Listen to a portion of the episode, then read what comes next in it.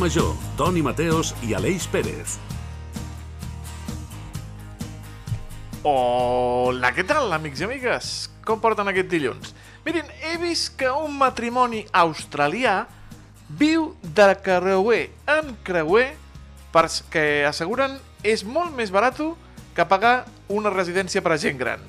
Marty i Jess Hansen, una vegada es van jubilar, van reservar 51 viatges consecutius i van embarcar el 16 de juny del 2022 i s'han convertit en residents a temps complet dels creuers Coral Princess, on gaudeixen dels espectacles de música, malabars, balls i altres activitats d'entreteniment.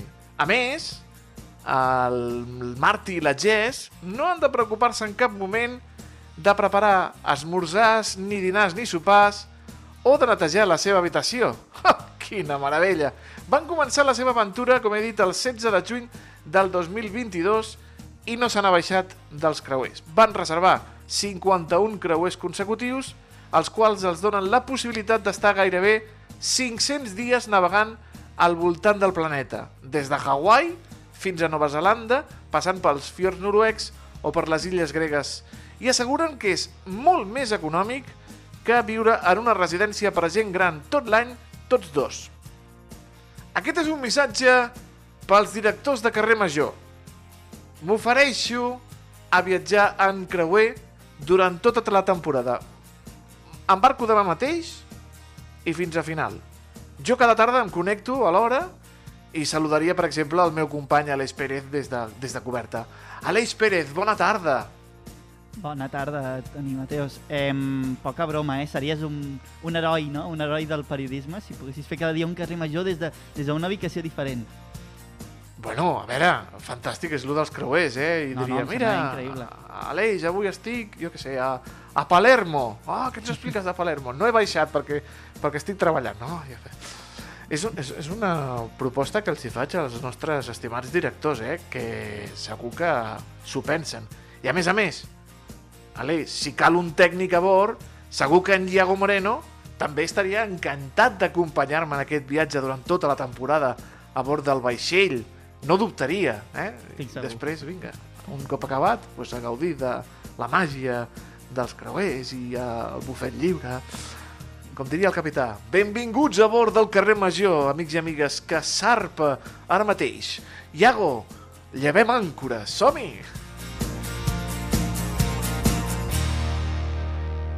Tot el que passa al Camp de Tarragona t'ho expliquem a Carrer Major.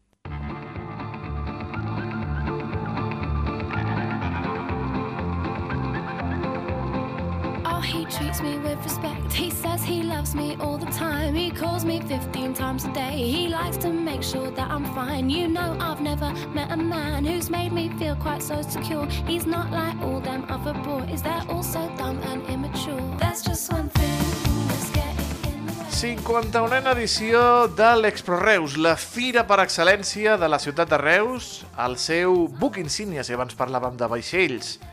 De l'11 al 15 d'octubre, el certamen obrirà portes a la fira per convertir-se en l'aparador perfecte de l'economia i el seu pols del Camp de Tarragona. Més de 20.000 metres quadrats d'exposició converteixen l'Expro Reus en la fira de les fires.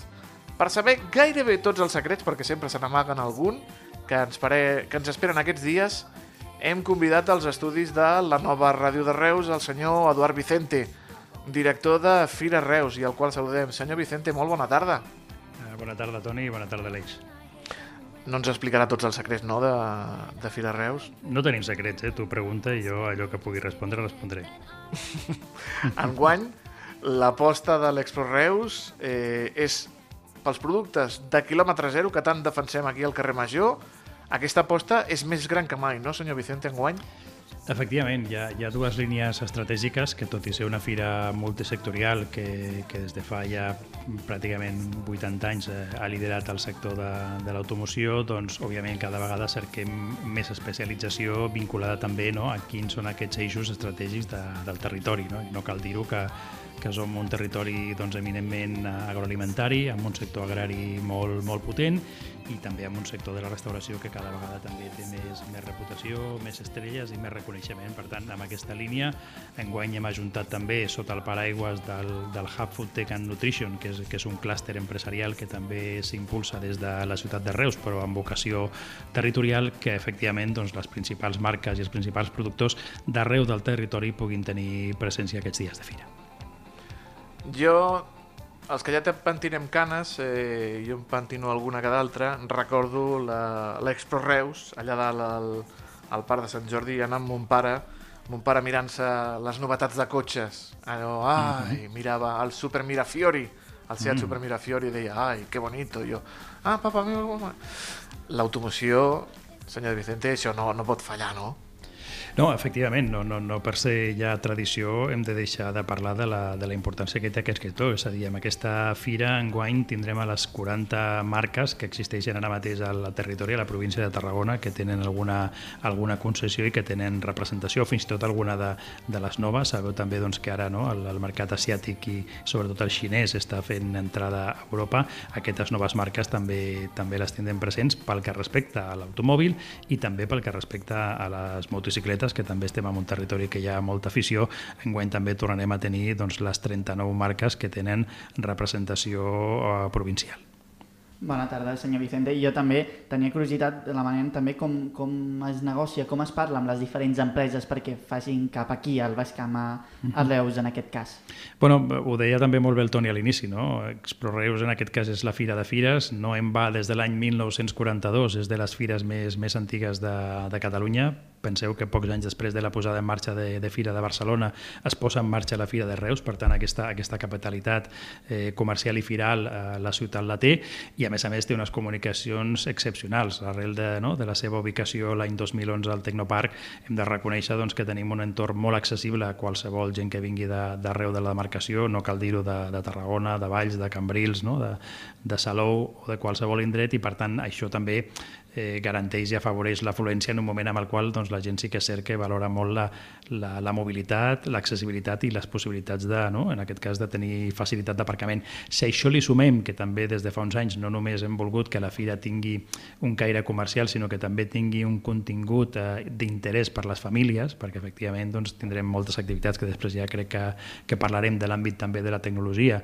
Si sumem no, la, la, la cuina, la, la tradició agroalimentària amb, amb el futur de la tecnologia tecnologia, doncs crec que estem creant un producte i un contingut prou atractiu no només per les generacions que tradicionalment sempre han visitat la fira i que hi són, perquè hi ha gent que segur que, que a les enquestes surt que fa 40 edicions que venen a la fira, sinó també per aquells, bueno, per aquells futurs no? eh, joves que, que també es trobin còmodes amb, amb un àmbit que potser pot semblar més tradicional com és una fira multisectorial. Exacte, és important aquesta diversificació no, de públic i d'espais. De, i de, i Estava veient aquí una xifra que es venen més de 400 cotxes a, a Expo Reus. Déu-n'hi-do, no? La, la, la quantitat de, de, de xifres no, que, que, que es mouen. No sé si, mm. si, és, si és així o com ho veu. Efectivament, tu, tu deies ara, Aleix, no? quin és l'element que fa que una empresa eh, faci un esforç de muntar un estant a la fira? Penseu que nosaltres fa més de tres setmanes que tenim ja els carrers del polígon Tecnopark doncs, eh, tallats per aquest cas la construcció o la instal·lació de, de la fira, que per tant hi ha gent que des de fa més d'una setmana, deu dies, també està construint el seu estant.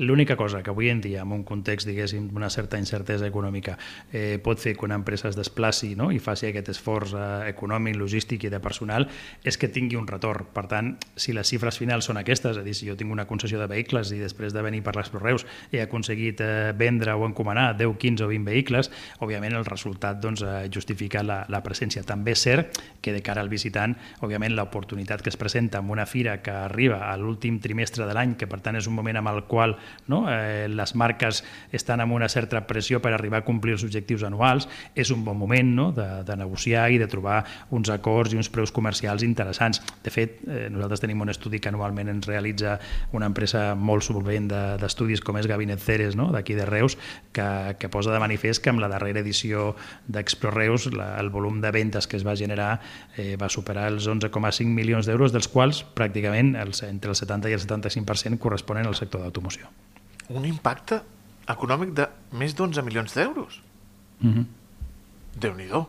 Bueno, la, la mitjana es fa molt ràpid, és a dir, si tu agafes 400 vehicles venuts per una mitjana, que ara abans era eh, de 24.000 euros per vehicle i que ara cada cop més s'acosta als 30.000, doncs... sí, no, no, bueno, i, i, i els passen, i els passen, ja li puc dir. per això, per això que la mitja, si fas quatre números surten de seguida.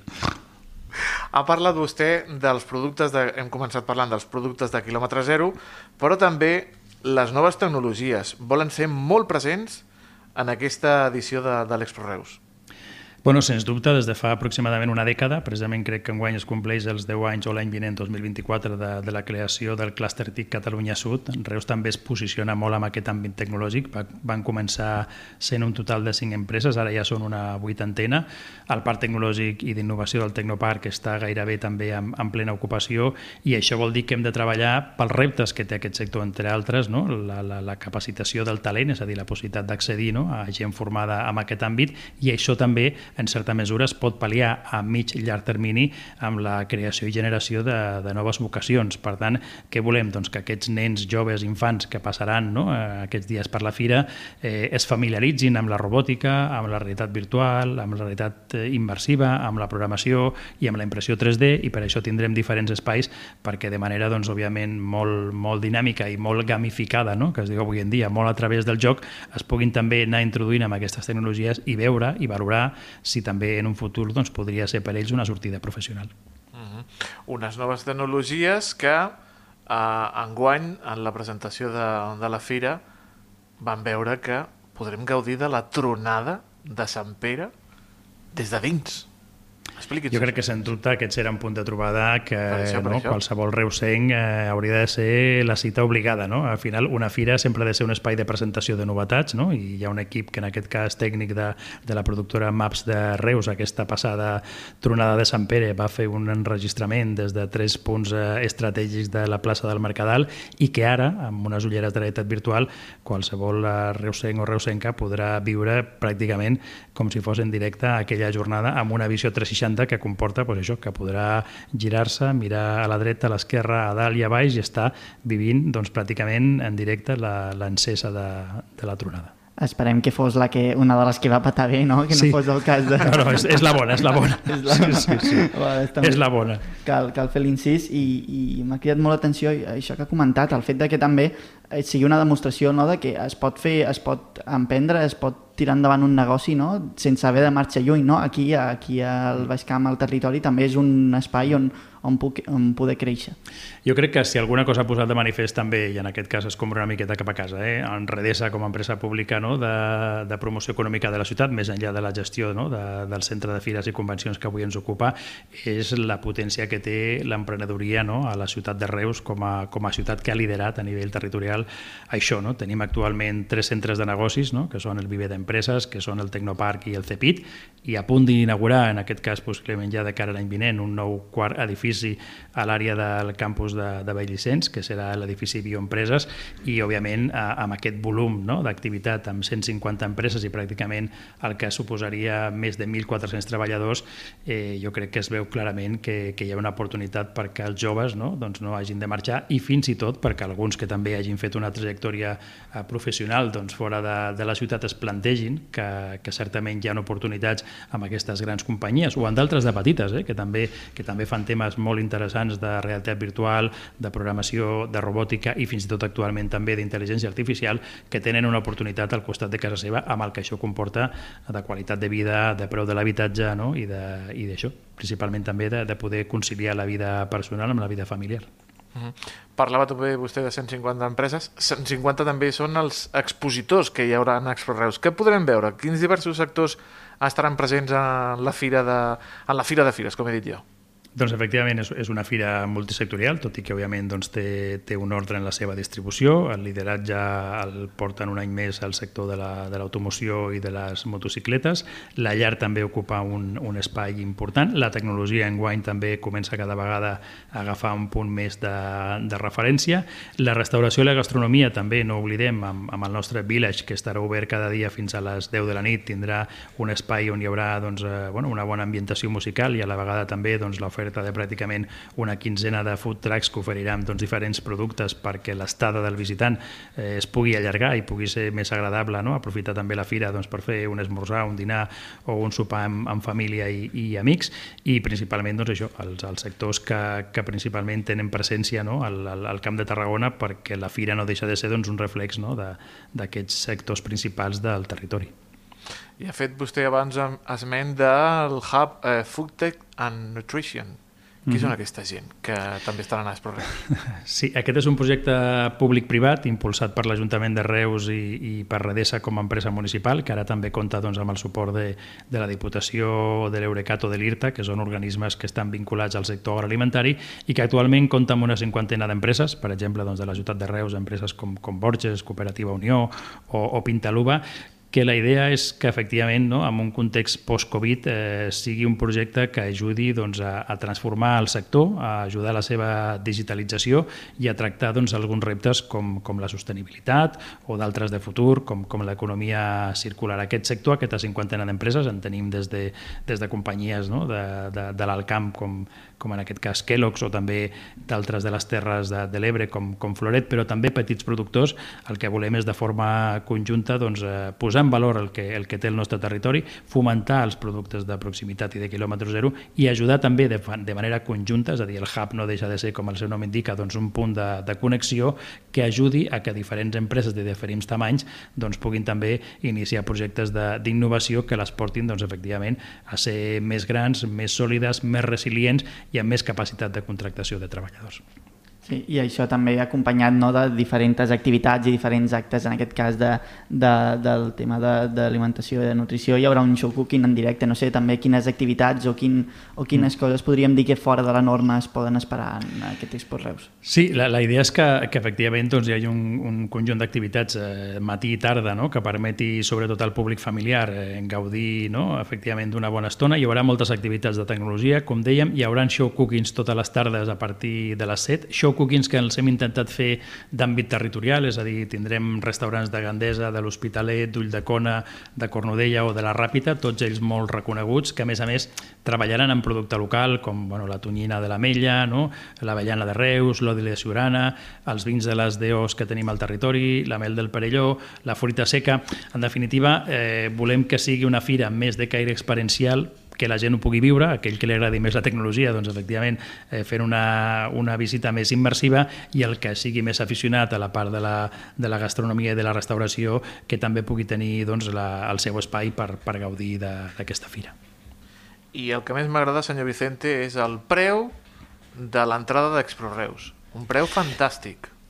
És un preu que efectivament es va posar l'any passat en marxa tenint en compte no, que una, amb una era post-Covid i amb una fira de caire comercial el que havien de fer també com a administració pública era no, facilitar l'accessibilitat i que no fos un filtre d'entrada, per tant vam considerar que, que la fira havia de tenir eh, cost zero, és a dir, no, no, no tenia un preu d'entrada, però és que a més a més totes les activitats que, que es faran dins de la fira, així com altres certàmens, per exemple, doncs de, no, les activitats infantils tenen un cost, totes les activitats també seran sense, sense cost. Nosaltres estem aquí com a empresa pública no, per dinamitzar l'economia local i per tant crec que tot el que sigui donar facilitats no? a, que, a que la gent realitzi una despesa en una fira, encara que sigui doncs, no? a la zona de cafeteria prenent un cafè, és molt millor que no que es destini al preu de l'entrada. Què et sembla, Aleix? 0 euros l'entrada, pots anar a veure cotxes, tu que necessites cotxe. Sí, efectivament. No moltes sí, coses necessito jo. El necessites, eh? O, no sé, o, o anar a mirar, per exemple, parament sí. per la llar, per al, pel teu pis de solter que t'estàs muntant. Sí. Moltes coses m'estic muntant, però sí, realment és una oportunitat no? de, de veure doncs, totes les empreses que, que treballen aquí al territori i també de descobrir-ne de, de noves. Jo amb aquesta Nosaltres... línia, si m'ho permeteu, Aleix i Toni, molt I tant, ràpidament, eh? no, no m'agradaria tancar l'entrevista, si m'ho permeteu, sense fer referència a que l'inaugurador d'enguany serà un reusenc que potser no és molt conegut perquè la seva trajectòria ha estat majoritàriament internacional, que és el David Oliva, que és la primera persona que fa 15 anys va decidir que una companyia del grup Deutsche Telekom doncs, obrís una petita seu amb 15 treballadors a la ciutat de Reus, és, és T-Systems, la corporació en aquest cas que, que penja de la, de la companyia telefònica alemana, i que actualment està a punt d'arribar arribar als 400 treballadors a la ciutat de Reus, Essen, doncs, la, la companyia tecnològica més gran de la província de Tarragona. I això li devem a Montreusenc, que actualment és el vicepresident global de la companyia a nivell mundial, que és el David Oliva, i crec que era més que merescut que enguany fer-li doncs, no? aquesta, eh, bueno, aquesta proposta que ha acceptat i de bon grat. De fet, vindrà expressament de Suïssa per, per fer la inauguració d'aquesta Expo Reus el, el proper dimecres, passat demà. Un gran inaugurador per aquesta fira de fires, com hem dit al principi, aquest Expo Reus, ja ho saben, des del de dimecres eh, fins al diumenge podran gaudir de més de 20.000 metres quadrats d'exposició i de tot el pols econòmic del Camp de Tarragona. Senyor Eduard Vicente, moltíssimes gràcies per acompanyar-nos aquesta tarda aquí al carrer Major. Que vagi Gràcies molt, a molt bé la vosaltres, fira. un plaer. I a més a més aprofitem que farà bon temps aquesta setmana. I tant, sí, sí. Que altres Temps de- anys temps no podem dir el mateix. Que vagi molt bé, moltíssimes gràcies. Gràcies a vosaltres. Les realitats del Camp de Tarragona a Carrer Major. Who let the dogs out? Who let the dogs out? Who let the dogs out? Who let the dogs out? The party was nice, the party was pumping. Diu la cançó aquesta Who Let the Dogs Out qui ha deixat sortir els gossos eh, nosaltres obrim la porta a la veterinària, nosaltres obrim la porta als animalons, nosaltres obrim la porta a les preguntes, a les respostes que sempre li portem cada 15 dies a la nostra veterinària de capçalera, la Maribel Martínez, veterinària de Coselva, que la saludem telefònicament. Maribel, bona tarda, per on pares? A l'autopista. Bona tarda. No, mira. per l'autopista. Les mans al volant, eh? I, Sí, eh, i- precaució. I, i, Sí, i sí, precaució. Sobretot, Ah, sí, sí, sí. Sobretot, No sobretot. condueixo ja. jo, no condueixo jo. Maribel, s'ha posat molt de moda últimament les cafeteries de mascotes i per mascotes. Què et sembla aquesta idea d'anar a fer un tallat i poder acariciar a un lindo gatito? Home, les, les cafeteries aquestes que són només de gats, eh, per lo que sembla són molt terapèutiques i, i estan, tu pots anar allà i, i diuen que l'efecte de tenir gats a sobre i, i que es puguis anar acariciant i que, i, que, i que se't puguin seure just a la falda o tocant-te, doncs que tot això té efectes antiestrès i, i molt terapèutic amb la qual és una cosa que s'està posant molt de moda perquè sembla ser que és molt efectiu. Home, a veure, Maribel, al Japó n'hi han moltes d'aquestes cafeteries de gats, és una moda, bueno, s'ha posat molt de moda, però hi ha una raó molt, molt lògica, que és per qüestions d'espai, perquè allà eh, els pisos so- són molt petits i, a més a més, eh, no són propietaris, gairebé són tots de lloguer, i els amos no deixen tenir mascotes al pis, per això doncs, van en aquestes cafeteries. Però aquí creus que, que està funcionant aquest tipus de cafeteries de, de mascotes? Pues no ho sé pas, eh? Perquè mm, tampoc sé pas quant de temps fa que la cosa s'està implantant, però que estigui funcionant tampoc n'estic jo massa segura, perquè mm, hauríem prolif- proliferat molt i de moment crec que a Reus n'hi ha una Sí. que tu deus estar enterant, no? Perquè tu que tens gat i t'agraden els gats, jo crec que a Reus n'hi ha una Sí, sí, sí, sí, al carrer, al carrer, al carrer Jesús. però només un, eh que sí? Només una, només una, sí, sí, de moment només una. Doncs, bueno, ja es veurà. Mm, No, home, no té per què ser... Malament no anirà. L'únic que aquí sí que és veritat que si tu vols tenir un gat, doncs pots tenir el teu i no cal que te'n vagis a la cafeteria. No ho sé. No ho sé, ja es anirà veient. Però, però bueno, és una bona cosa. És una cosa que El- està molt bé. Sí, uh, el que sí que hem estat veient, però, Maribel, sí que són cada vegada doncs, més espais, no? més, més, més llocs on, on, on pots entrar amb, amb l'animal de companyia, els animals pet-friendly, no? que, en, que en diuen. Sí, sí, sí. I aquesta també és una cosa que, que aquí eh, a Espanya eh, eh, estàvem una mica eh, enredarits amb aquest tema, perquè a nivell europeu pues, ja fa molt de temps que es deixen entrar les mascotes doncs, a, a botigues, a bars, a restaurants, a totes bandes. Mm, no sé jo, eh, no sé jo, eh? No sé jo. bueno, m'imagino que depèn del país, però en principi Alemanya, França, els països Sí. més... més... En, en aquests sí, però, per exemple, entrar a, a una carnisseria aquí o una peixateria amb un gos, de vegades te diuen no, no, animals no. I dius tu, mm, què dimonis? No, a, això sí que botigues d'alimentació mm, poques vegades et deixen entrar amb, amb bestioles. I això sí que a nivell europeu no en tinc ni idea. Però, però bueno, ara, per exemple, els supermercats, amb, els, a les botigues de roba, eh, no sé, els comerços rotllo, pues, pues això, que, que no venguin res que es pugui menjar, pues en principi, vaja, és que no, si estan... Saps què passa?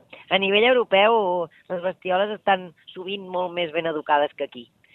Tenen molt més instaurat lo de has de portar el teu gos, en principi gos, a ensinistrar i que tens que, ten, que tenir pues, cura de les coses que hi ha al teu entorn i, i aquí pues, això està poc, està poc extès.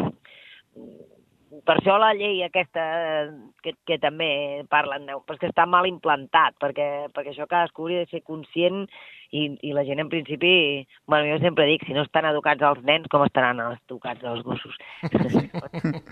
Meu, eh? Per tant- Molt.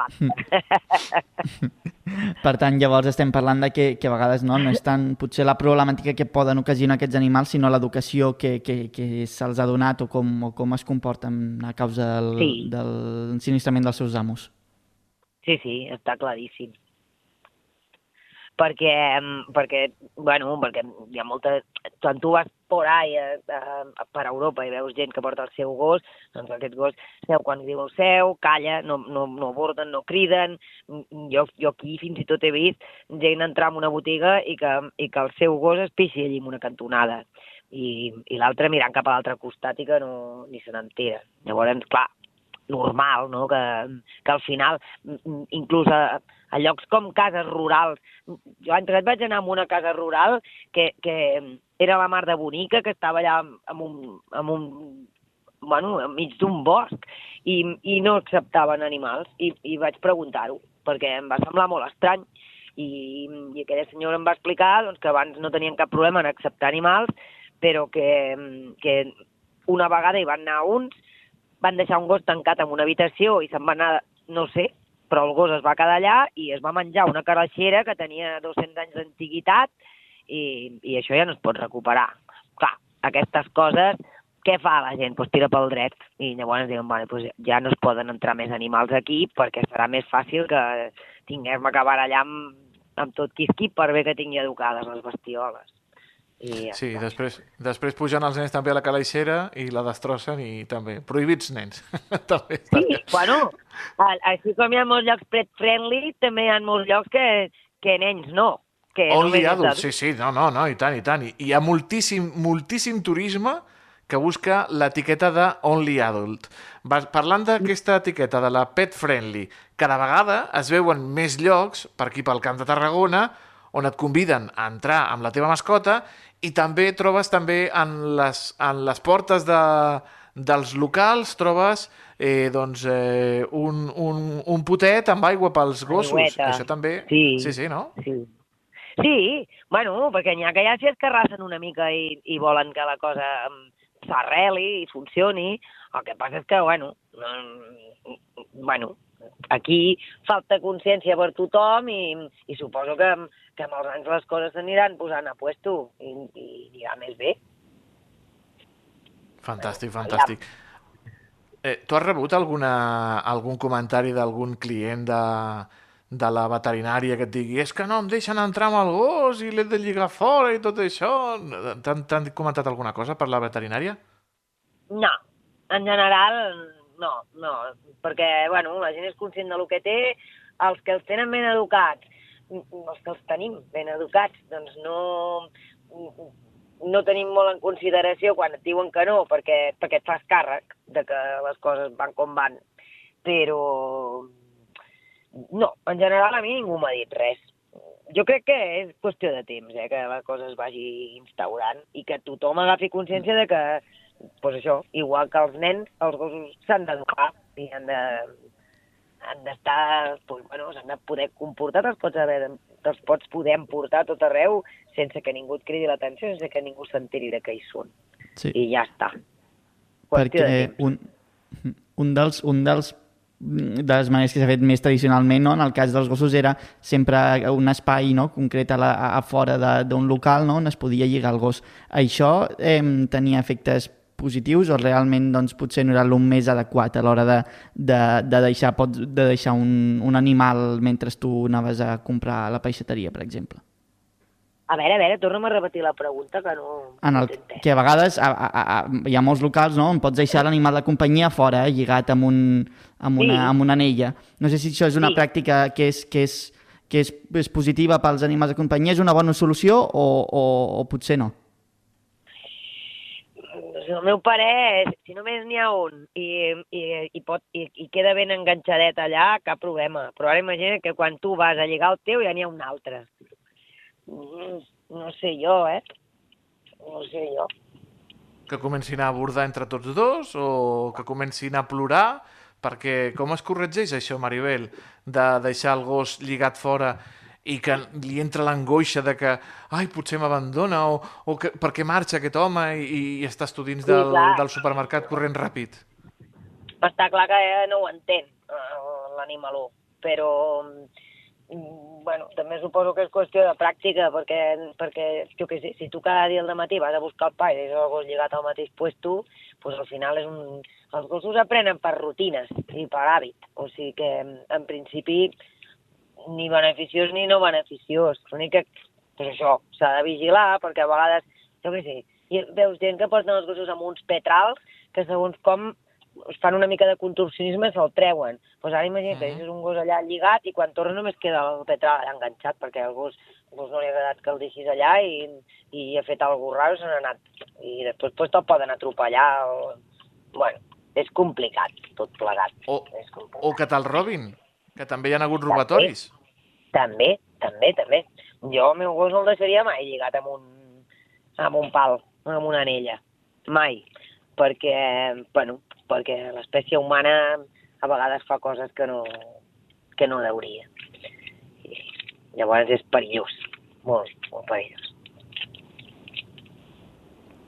O el que s'acosta, Maribel, també, a tocar el gos i ell potser està neguitós al, al gos perquè no entén per què l'ha deixat l'amo, que s'hi acosti un tercer doncs, perquè diu ai, quin, quin quisso més, més mono, i nyac, i rebi una mossegada.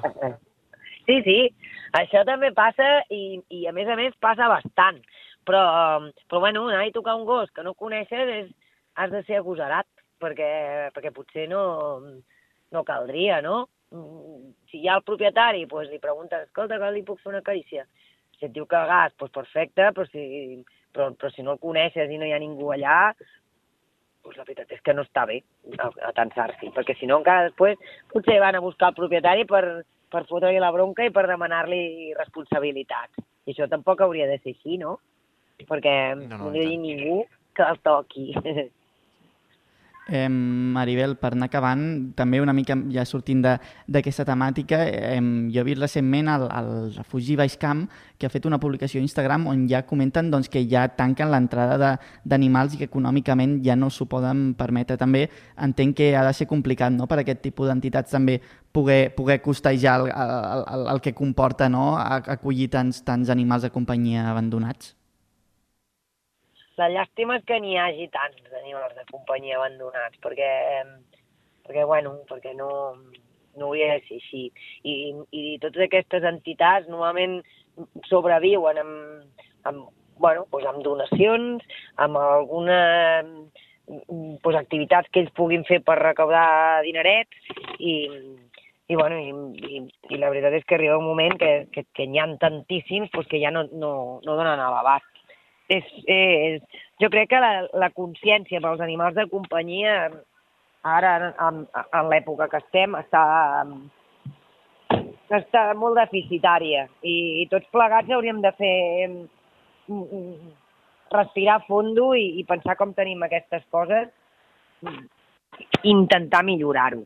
Perquè la veritat és que és, bueno, tot això que parlàvem l'altre dia de la llei nova de protecció dels animals que, mm, que, que demana esterilitzar-los i totes aquestes coses. La veritat és que fa molta falta perquè mm, gossos i gats n'hi ha molts per totes bandes i, i el de esterilitzar les bestioles serveix per això, perquè, perquè, bueno, perquè no se n'escampin més del compte i, i que realment els gossos que, que surten cadells, que siguin desitjats i que ja tinguin amo.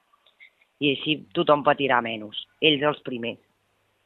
I tant, i tant que sí.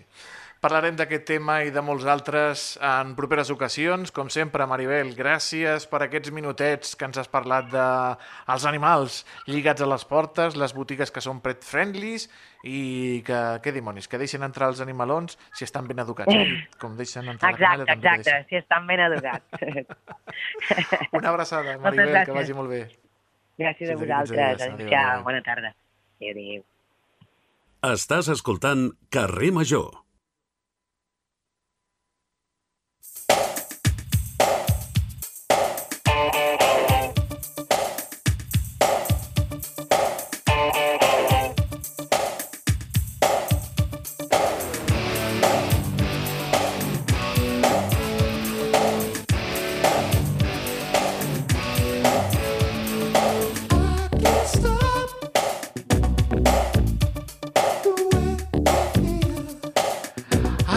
Ai, Aleix, Aleix, Aleix. Ai, Ai. que bonics. Els Fan Young Cannibals. Tu, tu no, no, no. No, clar, no. No, no, no, Qui, qui, qui, qui són? Ràpidament, ràpidament. Eren una banda britànica de tres components fantàstics, els Fan Young Cannibals, que van fer el que s'anomena un One Hit Wonder, que és aquesta cançó, el She Drives Me Crazy. Sí. Van agafar els diners i van dir See you later, alligator. Fins a una propera. bueno, sonaven molt bé, eh? sonaven a jazz així molt, molt funky, molt, molt xulo, dels anys eh, 80. Parlant de caníbals, parlant de temps enrere, tirem molt enrere, molt enrere, Reis, perquè Molt, molt, molt. molt enrere, el 9 d'octubre se celebra el Dia Europeu de l'Art Rupestre, en homenatge a l'aniversari del reconeixement efectuat per la comunitat científica internacional sobre l'autenticitat de l'art de la cova d'Altamira que molts van posar en dubte en un principi. D'acord amb les eh, recerques recents, l'art rupestre data des de fa uns 42.000 anys a Europa i a partir del 1976 es van classificar 11 jaciments de rupestre en el continent europeu com Patrimoni de la Humanitat. I la data d'avui, 9 d'octubre, la celebració d'aquest Dia Europeu del Patrimoni, coincideix també amb l'aniversari de la publicació d'un article l'any 1902 de l'arqueòleg francès Émile Catallac denominat La Grut d'Altamira, Espanya, mea culpa d'un esceptic, que vol dir la cova d'Altamira a Espanya, el mea culpa d'un escèptic. En aquest article, dirigit a la família del descobridor de la cova d'Altamira, el Emil Cartailac va reconèixer la seva equivocació en dubtar sobre la autenticitat del descobriment de la rupestre paleolític en aquesta cova de Cantàbria. L'has visitat, la cova d'Altamira? Doncs no, no, vaig anar a Sant Andreu una vegada, però Cantàbria en general és una zona que, que no, no hi he anat a Altamira.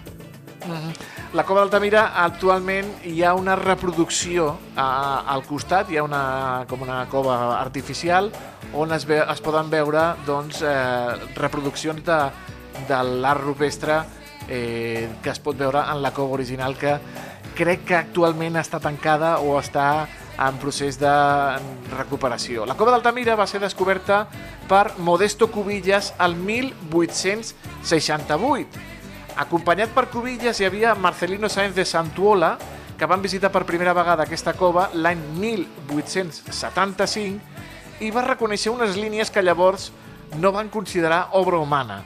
Se situen a l'interior del recinte del Museu Nacional i Centre de Recerca d'Altamira en la localitat de Santillana del Mar, que és la localitat que li diuen de les tres mentides, perquè ni és santa, ni és llana, ni tiene mar.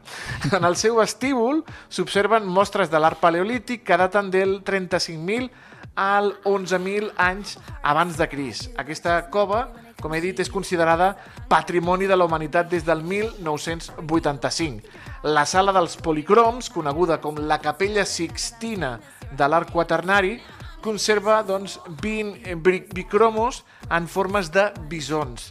Eh, entre els enclavaments més simbòlics eh, de tota Europa es destaca, com no, la cova d'Altamira, a Santillana del Mar, les Cocs 4, a França, el Parc Arqueològic de Valcamònica, a Itàlia, i el Parc Nacional de Hossa, a Finlàndia.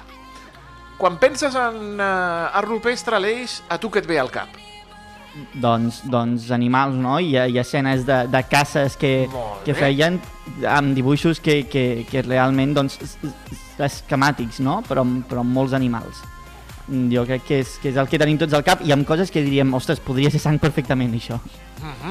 I qui pintava? Tu què, tu què creus que pintaven aquests, aquests, aquestes eh, escenes? Home, jo vull pensar que era la persona que millor sabia dibuixar i pintar no, de, del poblat, perquè imagina't que agafen que m'haguessin agafat a mi, no haguéssim, no haguéssim arribat enlloc. Qui eren els artistes de l'art rupestre? Doncs Aleix, eh, segons un nou estudi, les dones són les autores de la majoria de les pintures rupestres conegudes.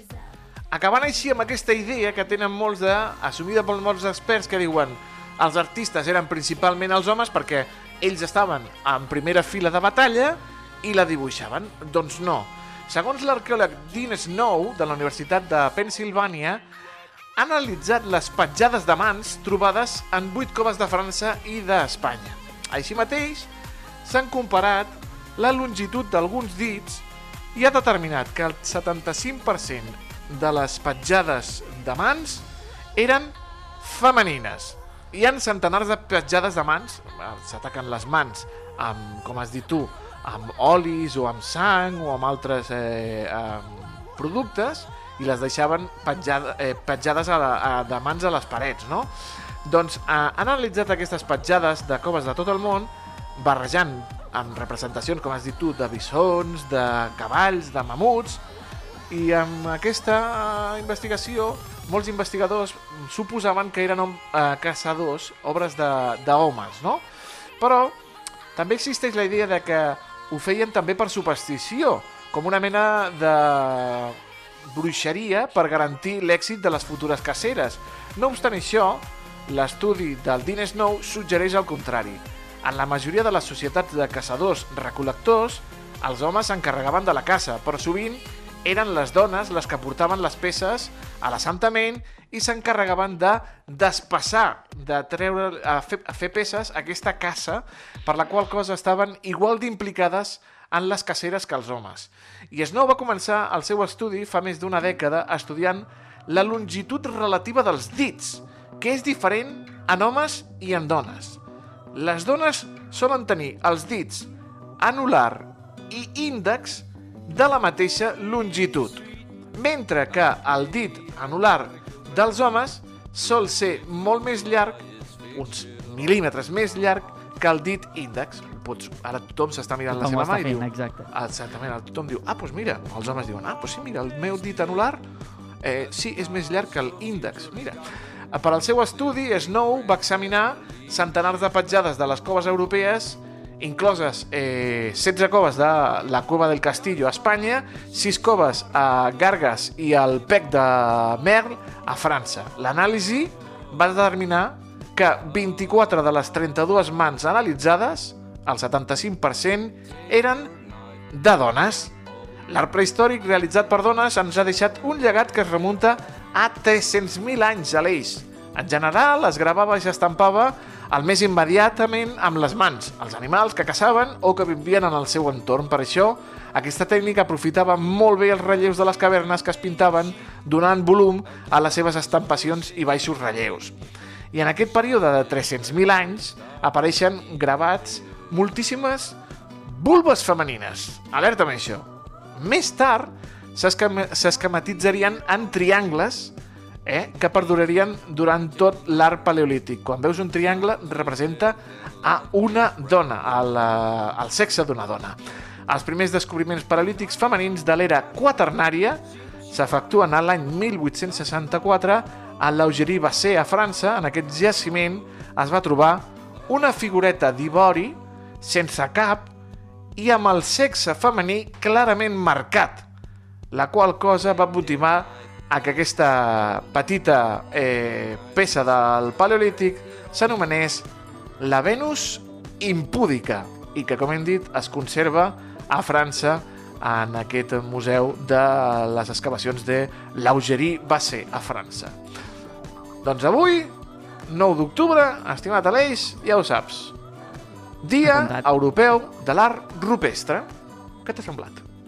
Doncs molt interessant, m'ha agradat molt, eh? És, és, hi ha moltes coses que no, no, no m'imaginava i és, és, és supercuriós això de que siguin sobretot gran part de, de les zones. Si em deixes fer un petit incís també, he anat al Museu Britànic aquest cap de setmana i he vist Hombre. també la, la primera figureta de, de dues persones fent l'amor i realment eren com, com dues pedres i, i dos pedres juntes, tenia com forma de cor i era doncs, doncs bastant, bastant bonic i bastant curiós. Eren com dues pedres i, i, i, i jo he dit, bueno, m'he d'imaginar que són dues persones juntes i llavors pues, he fet que sí, però tampoc no, tampoc no ho he vist massa clar. Però, però mira, m'ha- recordat això que has dit de la estatueta aquesta, en què hi he vist uh -huh. la primera que recorda la més antiga de dues persones fent l'amor. Mira tu, eh, el Museu Britànic, que encara continua sent gratuït amb donacions, Efectivament, està, és, És és, és genial, és genial. és fantàstic, eh? I, i vas ficar algun, algun euro? Eh, anava justet de... de... o sigui que vas, vas fer el que fem tots, no? Anar al Museu fer, eh, Britànic, efectivament. dissimular... En un "Oh, futur, mira". no? En, un- sí, en un quan hi futur torni. ficaré 10 euros, no? En un futur Quan- ficaré 10 euros, ho prometo, no ho prometo. En el proper viatge ficarem 10 euros al Museu Britànic. És fantàstic el Museu Britànic que sigui gratuït, eh? Em- em- Em sembla una gran idea i a banda doncs, a, a les donacions a, que hi ha en diferents punts. Vas gaudir de Londres? I tant, molt a tots els museus i, i també de futbol anglès, que ja ja en parlarem algun altre dia, però també Ah. són, són gent curiosa els anglesos, eh? Són, Vas anar a veure futbol? Sí, sí, sí, vaig anar a veure un partit de, Qui- de segona anglesa. Ah, segona va, anglesa, molt bé. Va ser molt curiós perquè vaig anar allà i vaig dir, ostres, que xulo l'ambient. Bueno, els, van, va, va perdre l'equip que, el que anava a veure jo, els hi van clavar un 0-4 i van acabar doncs, tots pitant i, i, i, i certament, visiblement enfadats per la derrota del seu equip, com no Home, podia clar, ser d'una altra si manera. Foten, si et foten una pallisseta 0-4, No, no, doncs clar. com, com per no acabar enfadats. Saps qui no s'enfada mai? M'ho imagino, però vull que m'ho confirmis. El David Fernández. Ah, el nostre home de la banda sonora. Anem a veure com sona la banda sonora que ha escollit avui el David. Fa masses dies que no sé cap on anar. Fa masses dies que em dóna voltes al cap. Però tu pareixes al moment menys esperat. En una festa on no sé com hi he acabat. Ja són quarts de quatre i la nit ja està acabant. No vull saber què passa si cap dels dos dona el pas. Però em una mirada difícil de rebutjar. És allò inexplicable on tot queda en segon pla. Però si tu m'escoltes,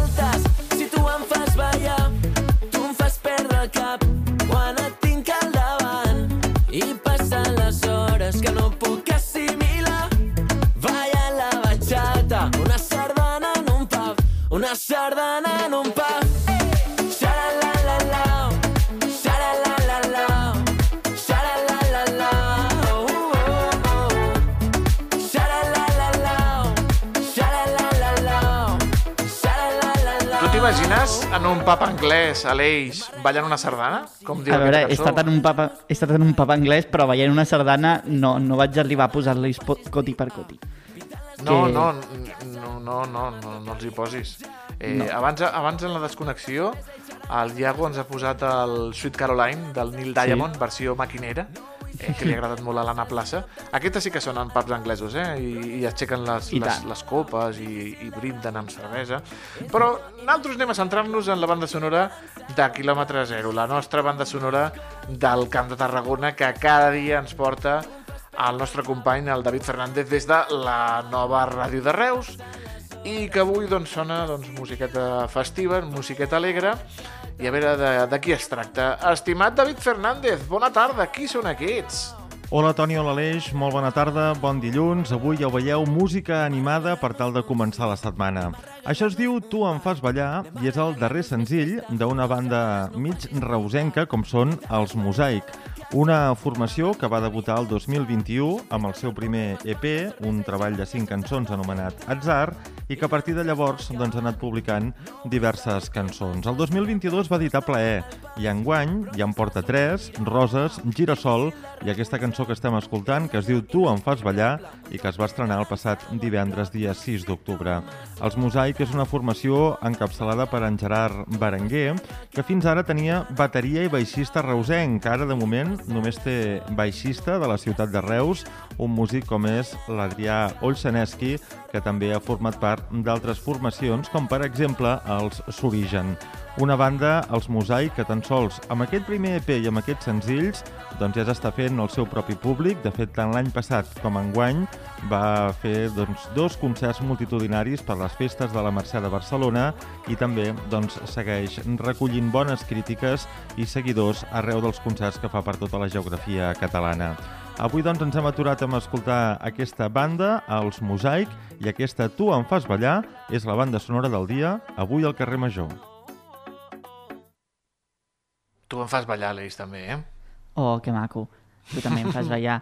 Eh, escolta, eh, jo estava pensant que, que, clar, jo he tingut la- l'oportunitat i la sort de que jo el conec, en aquest noi que menciona el David, l'Adrià, Sí? i realment és superinteressant la vida de, del músic, en què, encara que a vegades doncs, és una mica sacrificada, perquè en aquest cas, doncs, a vegades els, els, els grups no han de tocar, han de, a vegades tenen sort com a la Mercè i poden tocar en un hores, o sigui, amb molta gent a l'escenari, però hi ha vegades que, que els hi toquen fer bolos a les 3 i a les 4 del matí, que jo no I sé, tant. Toni Mateus, si haguéssim de treballar tu i jo a les 3 o a les 4 del matí, si, si podríem fer... Ei, si podríem és fer el feina, programa o no, eh? És feina, és feina. No, no, hi ha moltíssims eh, festivals d'aquest tipus que dius tu, sí, hem tocat a, en aquest festival dels Pirineus, hem tocat en aquest festival de música dels Països Catalans, però clar, dius, hem tocat a les 5 de la matinada, després de que haguessin tocat els grans caps de cartell, amb la gent ja molt cansada, però bueno, ei, lo important és, és poder sumar bolos i lo important és poder posar-li una creueta de dir, doncs mira, aquest festival ja l'hem fet, ho hem fet a lo millor i potser la propera vegada ens truquen i, i toquem més aviat. A mi em va donar un consell, saps qui? La Clara Colom, que tocava amb les robes tesa. A Ella la em va cosina, dir- no? Sí, ara és la cosina, exacte, que també l'hem sentit per aquí pel, per la banda sonora del, del Camp de Tarragona que ens porta cada dia el David. A mi la Clara Colom em va dir Toni, tu i jo hem de muntar un grup. I dic, sí, Clara, quan tu vulguis. Diu, ei, però de música infantil, eh? Que toquem a les 6 de la tarda, que a les 8 estiguem recollint i que puguem dormir a casa nostra. Gran Doncs, consell de la Clara sí. Colom. Ha, ha prosperat aquesta idea o no? No, de moment no. De moment està a les Beceroles, tranquil, però si tu algun dia em com- veus... Tu com vas de música? Tu toques algun instrument? Jo sóc, no? un, jo sóc un artista total. Jo, a mi el que em, em posis al davant, Aleix, a mi el que em posis al davant. Jo amb la Clara Colom, ella tocant l'acordió, i jo per allà cantant-li als nens eh, és, a, és tard, aneu a dormir, és tard, aneu a dormir. Els hi poses la música dels caníbals aquests, de- dels tonis. Dels Fanyo Carnivals, exacte, no, no, no. doncs mira, amic meu, eh, a un minut eh, tancarem el nostre programa d'avui, d'avui dilluns, la... que hem gaudit moltíssim amb l'entrevista que hem fet a primera hora parlant de eh, l'Expo Reus, de Fira Reus, amb el seu director, amb el senyor Eduard Vicente. Després hem gaudit dels bons consells eh, veterinaris que ens porta, ja ho saps, la, la nostra veterinària de capçalera, la Maribel Martínez, des de Veterinària de Coselva. Els tonis que us hem parlat de l'art rupestre i del paper importantíssim de la dona en aquest tipus d'art i, com no, la banda sonora amb el David Fernández.